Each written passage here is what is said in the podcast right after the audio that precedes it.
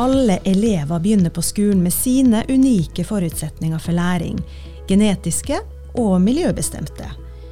Ved å fokusere på viljestyrke, sjølkontroll og impulskontroll kan læreren hjelpe eleven til å dyrke fram talentene sine, sjøl om det meste er genetisk forutbestemt.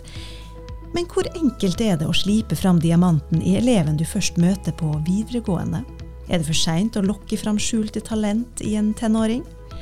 Dette og mye mer skal forsker Kjell Skogen og lektor Marte Trøne snakke om i dagens episode av Læring. Velkommen til dere begge. Takk. Tusen takk. Kjell, du er professor emeritus i spesialpedagogikk og tidligere ansatt ved Institutt for spesialpedagogikk her ved UV-fakultetet. Du var i din karriere opptatt av såkalt evnerike barn og unge.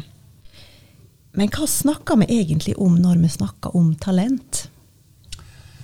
Det kommer helt an på hvem som snakker om talent. I den sammenheng som, som jeg har jobbet her, eh, så har jeg reservert talentbegrepet eh, for de forutsetninger som er genetisk bestemt.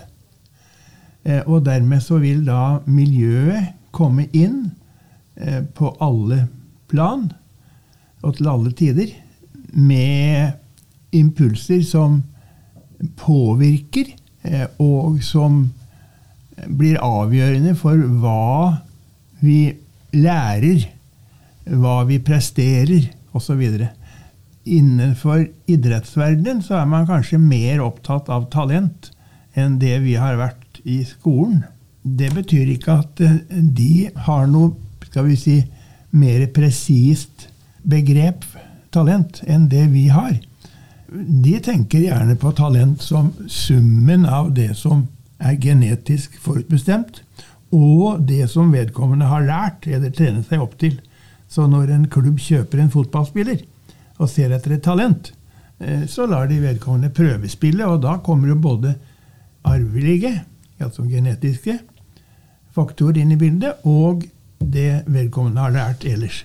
Men i denne sammenheng, når vi prøver å se på lærerens rolle som talentutvikler, så finner jeg det mer formålstjenlig å skille den genetiske fra den eh, miljømessige påvirkning. Dermed så kan vi da uten videre slå fast at eh, vi er forskjellige. Vi er født forskjellige. Vi er født med forskjellige gener. Og dette er faktisk et tema som er litt politisk eh, belastet også. Hvis vi går tilbake til, eh, skal vi si, min besteforeldregenerasjon, eh, så vil faktisk de snakke om Hvis de ble tvunget til å bruke begrepet talent og snakke om genetikk, så ville de faktisk snakke om at det er det som er det avgjørende for om man blir flink eller ikke. Men hvis dere spør noen eh, som da eh, har liksom vært mest aktive på 70-tallet i Norge, eh, så vil man fnyse av dette eh, genetiske begrepet. Eller dette for, eh, talentbegrepet som bygger på, bare på genetikken. Fordi at da var det politisk korrekt at vi alle sammen var like. Det henger mye igjen av dette i dagens skole også. For en del av disse her, som jeg vil da kalle gamle skolepolitikerne, eh, som da er opptatt av eh, tilpasset opplæring, som jo er helt vesentlig i vår opplæringslov, så henger det noe igjen i dette at eh, det er eh, Man kan gjøre eh, alt eh, ved hjelp av organisering, ved hjelp av lærer osv. Og, og man har jo da også veldig mye forskning som tyder på at læreren er en veldig betydningsfull faktor i elevens utvikling.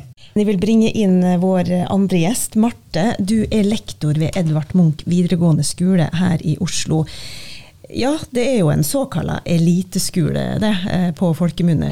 Eh, Fagene dine er biologi, kjemi, matte og gym. Og først, er talentutvikling et kjent begrep for det fra si, lærerrommet eller lærerutdanninga? Eh, nei, det er det faktisk ikke. Eh, jeg kan ikke huske å ha hørt eh, det begrepet, egentlig. Men så desto mer jobber med begrepet for, elevens forutsetninger, eller potensial, og tilpassa opplæring. Men jeg syns at talentbegrepet er spennende og interessant, og litt, kanskje litt mer litt positivt lada. At det er mulighetens begrep. da. Mm. At en fokuserer på det eleven har mulighet til å få til, i motsetning til forutsetninger, så tenker jeg ofte litt mer i retning de utfordringene som eleven har, som kanskje er begrensende. Så eh, det er absolutt et eh, spennende begrep. Og når du ser etter muligheter i elevene, hva, hvordan griper du det an? For det første så prøver jeg å tenke at eh, eh alle elevene har ja, la oss si talent da, for noe. Eh, og så er det min jobb å avdekke det talentet. Eh, og det er jo Man kan ha mange ulike former for talent. Eh, det kan være um, at Summa har talent for å argumentere i faget. Summa har talent for å innhente informasjon.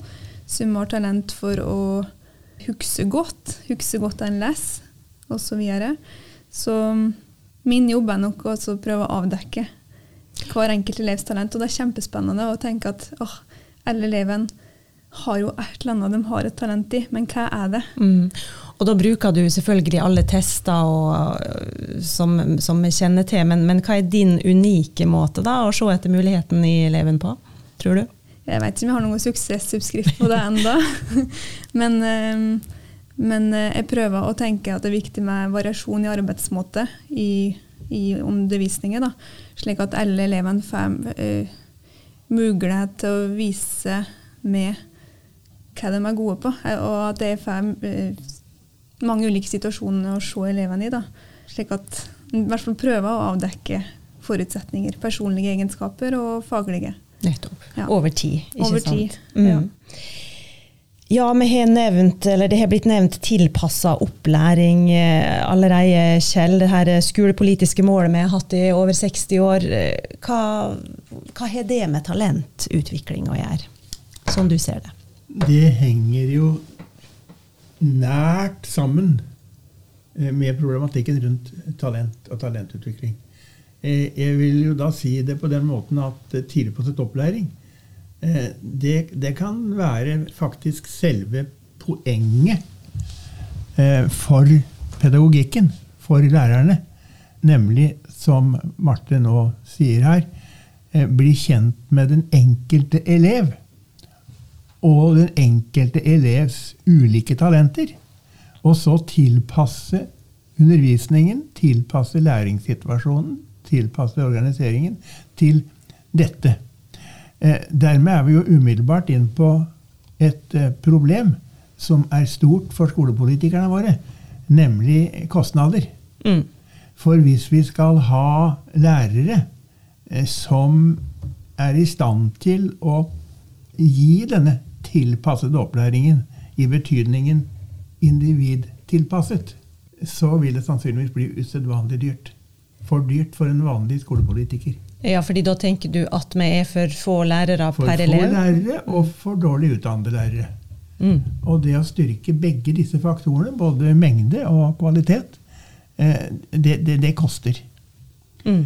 Derfor så har vi falt ned på en filosofi om at eh, det gjelder å finne den riktige måten å undervise i klassen.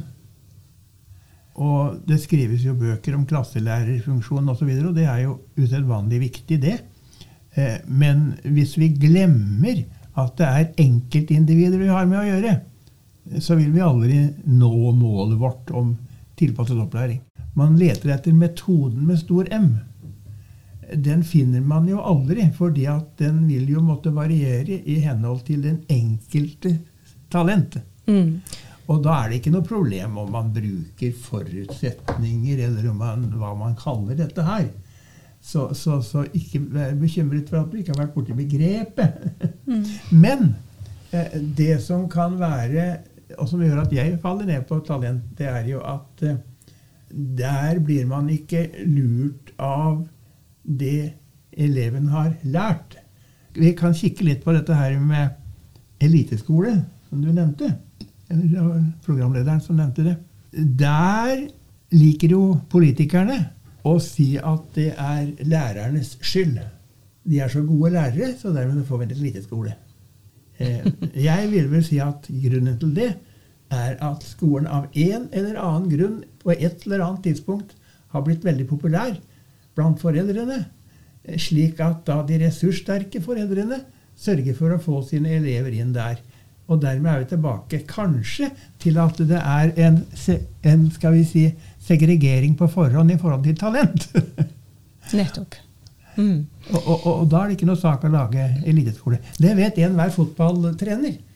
Eh, vi kan ikke lage et fotballag eh, godt uten at vi har spillere med talent. Så skal vi utvikle det talentet individuelt, sier den gode fotballtrener. Mm.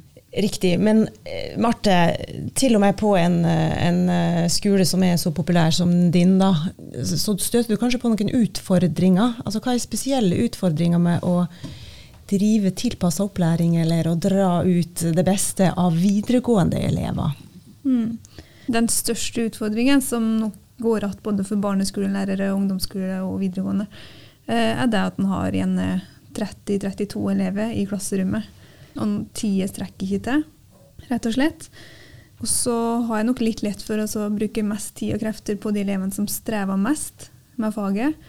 Eh, og får jeg desto mindre tid og overskudd til å tilrettelegge opplæringen for de um, hva skal man si, de mest faglig sterke, da, som kanskje har størst talent eh, for det faget. Og så er tenker jo, jeg at når elevene har kommet helt opp i videregående, så har de eh, ofte mista helt trua på egne ferdigheter. De er ikke like formbare lenger, har kanskje bygd opp forsvarsmekanismer og mista helt eh, mestringsforventninger da, for at de kan få til et fag. Har du et eksempel på det? Ja, eh, mange. Det har vært, spesielt i matte, Det er nok et fag som det knyter seg sterke følelser til. Og elever som, som kommer inn i, i VGN da, eh, med innstilling om at nei, matte har gitt opp, og det er ikke mye greie, og slik er det bare. Mm. Og hva gjør du da for å snu det? Hvilke grep tar du? Det fremste er nok å jobbe med å bli kjent med eleven. Disse elevene som gitt opp faget, har jo ofte kanskje er litt like at de kan ha et vanskelig forhold til lærerne. Fag, læreren representerer faget. Så jeg prøver nok å jobbe mye med relasjoner for å få eleven til å forstå at hei, jeg er på laget ditt, og eh, det eneste jeg vil er hjelpe deg framover. Så er det dette her med å bli kjent, som vi sikkert kommer tilbake til. Eh, men, men jeg tykker det er en kjempestor utfordring ja, å hjelpe disse elevene fram. Og, og hvordan en skal og dem trua på at eh, dette kan løsne, du kan få det til. Og en annen utfordring med videregående er at um, en følger ofte eleven bare ett år, og så er det videre til et annet fag. Så det er kjedelig å fra seg en klasse på slutten av altså når det er mai-juni og du begynner å bli virkelig godt kjent. Og da er det liksom takk for i år. Ja, og det er en spesifikk utfordring i videregående, ikke sant? Jeg tenker det er sikkert på barne- og ungdomsskole, men, eh, men der følger en vel ofte ei klasse over flere år. Og det er noe jeg savner, da. Mm. Videregående. Ja, Kjell, hva betyr det egentlig? Når lykkes man da godt med tilpassa opplæring? Det er i prinsippet en veldig elementær og enkel sak eh, på, på papiret. Eh, det er jo å sørge for at den enkelte elev lærer maksimalt i forhold til sitt talent. Så enkelt. Så enkelt, men Ja. også da så uoverkommelig. Absolutt. Men, men eh, eh, det er nok viktig hvis eh, skal vi si, lærerstanden vår har den holdningen som nå Marte gir uttrykk for. Det gjelder å bli kjent med eleven, det gjelder å etablere en god relasjon til eleven. da kan vi klare å komme fram til hva som er denne elevens talent, og så kan vi begynne å tilpasse opplæringen til det. Mm. Det er jo det som må være målet for fremtidig lærerutdanning. Altså utdanne lærere som, som går ut med den holdningen som, som Marte skisserer her. Absolutt. Og hun har jo sagt litt om eh, hva vilkårene hennes er for nettopp å få tid til det og rom til det. Eh, Du har fulgt eh, norsk skole i, i flere tiår, Kjell. og hva tenker du, hvilken retning går, går med henne der? Altså, har vilkårene forbedra seg, eller har det blitt trangere med tid til tilpasning? Ja, det er et uh, vanskelig eh, spørsmål. Eh, politikken har jo endret seg, og holdninger blant pedagoger og administratorer, politikere, har jo også endret seg. Og det er kanskje litt farlig, men jeg, jeg vil vel påstå at skal vi si et samfunns basalpolitiske holdning har betydning.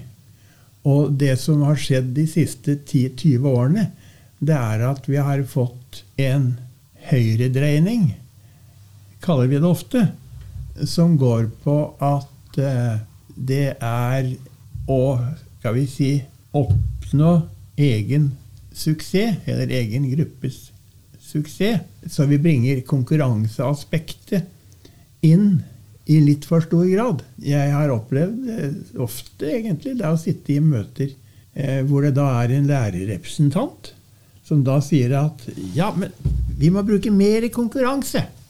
Eh, da lærer elevene bedre. Og det kan selvfølgelig være situasjoner hvor det er riktig, men som grunnprinsipp for læreren at eh, det skal være konkurranse, det, det, det tror jeg er en skummel vei å gå. Så, så, det er den ene siden. På den annen, et annet aspekt som jeg er litt skeptisk til, eh, det er dette med at lærerens kvalifikasjoner vurderes på grunnlag av hvor mye vedkommende kan om fag. Så apropos matematikk, som du sier, så har vi jo en periode nå på åtte år hatt en statsminister som hele tiden snakker om at vi må heve det faglige nivået. Men faglig mener da vedkommende matematikkfaglige.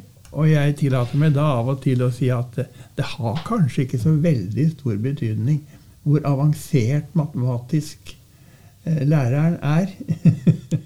Eh, nei, jeg tenker at det er viktig å, anerkjenne alle elevene og, dømme oss ja, kan kalle prestasjoner da, på slike vurderinger ut fra deres nivå. Og at, en har jevnlige samtaler med eleven der en fokuserer på ja, forutsetninger og talent. At dette her er jo er kjempebra eh, ut fra ditt der du er nå. Og er jo kanskje ha en, en, dialog med eleven om hva, hva eleven sjøl føler om, om, sitt nivå. Ønsker en å Altså, en fornøyd med utfordringene, eller ønsker en å bli mer utfordra? For det kan nok summe å gå under radaren at, ikke, at læreren ikke utfordrer eleven nok, og så får han det ikke helt eh, med seg da, mm. når han har 30, 30, andre elever i rommet. Ikke sant.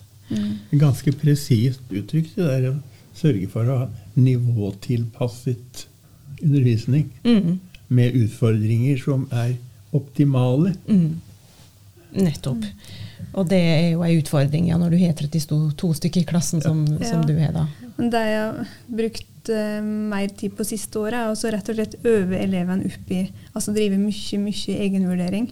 Mm. Slik at de sjøl òg tar litt av jobben med å vurdere hvor jeg er nå, hva er mitt nivå og mine forutsetninger.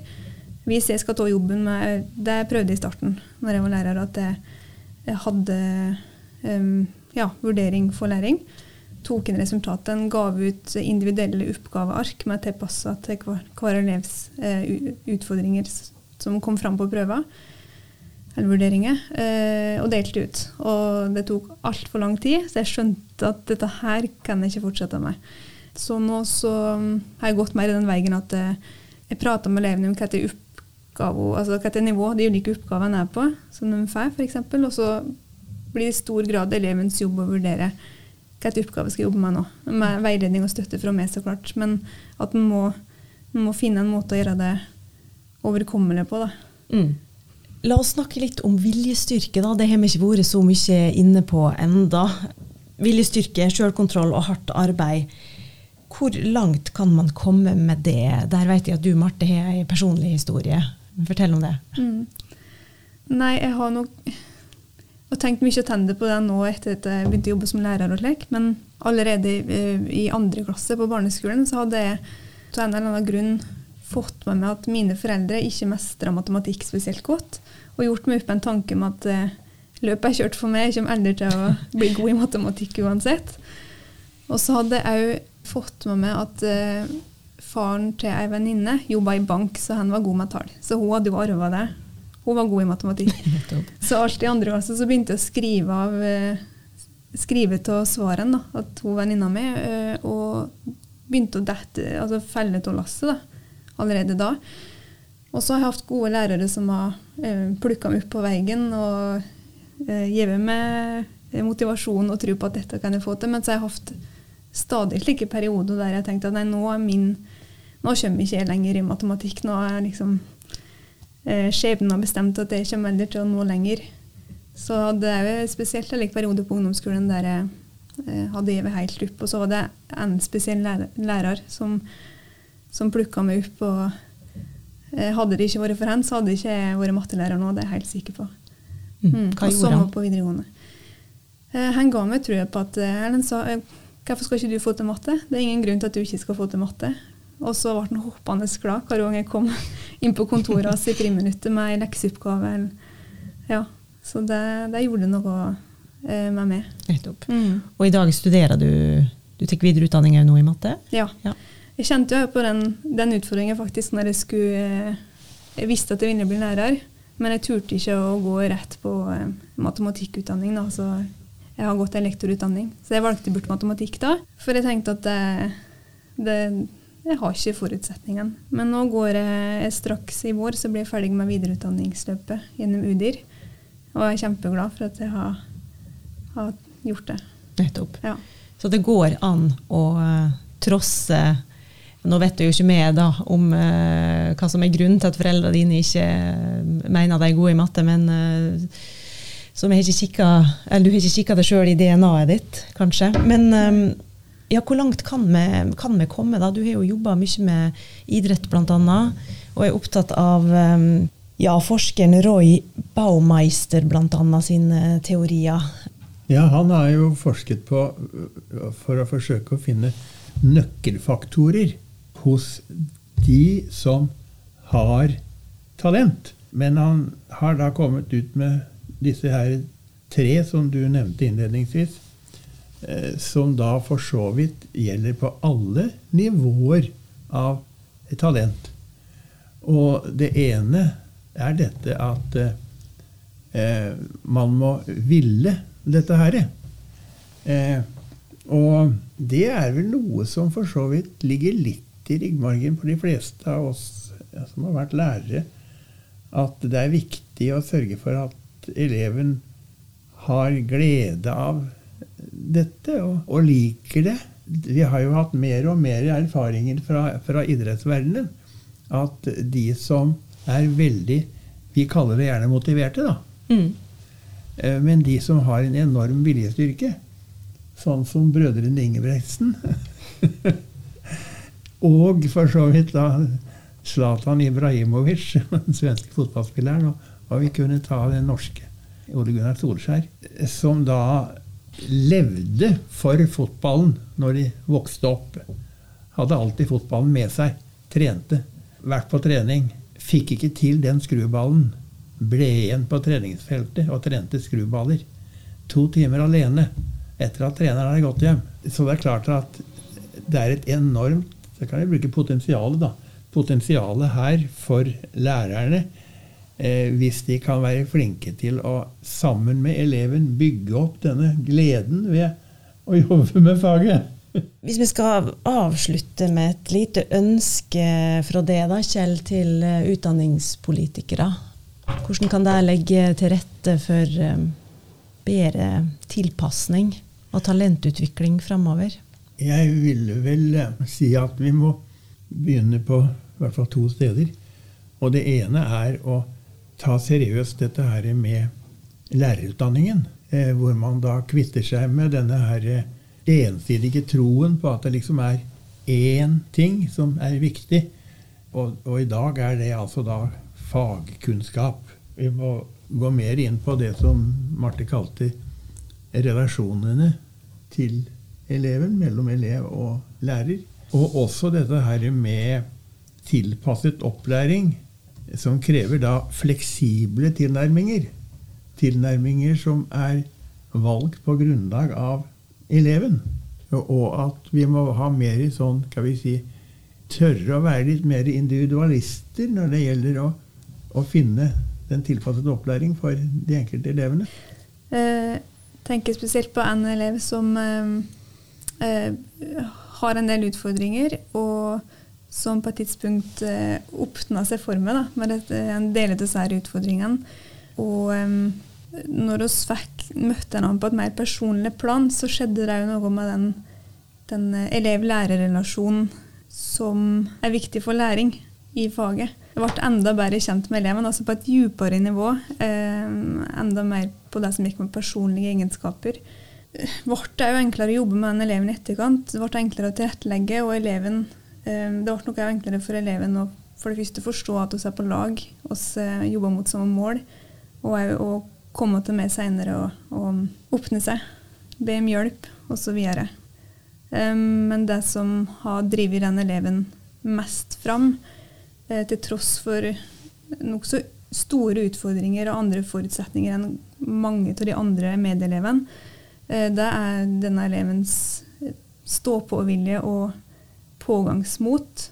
Og jeg tror på at den skal få det til. Fins finnes de ikke interessert i karakterer i det hele tatt, men opptatt av å få attendemelding og jobbe med dem for å hele tida utfordre seg og utvikle seg videre. Den eleven er jo utrolig inspirerende, og jeg håper at jeg vil se meg, flere slike elever i eh, skolen framover, og at jeg som lærer klarer å, å bygge opp da, slike elever. Det syns jeg er inspirerende å høre. Mm. Men kan alle jobbe med det med he? Ja. Rett og slett. Tusen takk for en eh, kjempeinteressant prat. Um, professor emeritus Kjell Skogen og realfagslektor Marte Trønes. Du har hørt en episode av Det utdanningsvitenskapelige fakultets podkast Læring, som ble researcha av Katja Evjen og produsert av Shane Colvin. Du finner oss der du lytter til podkast. Om du likte det du hørte, blir vi glad hvis du tipser en venn eller kollega om oss. Jeg heter Monica Bjermeland og takker for følget.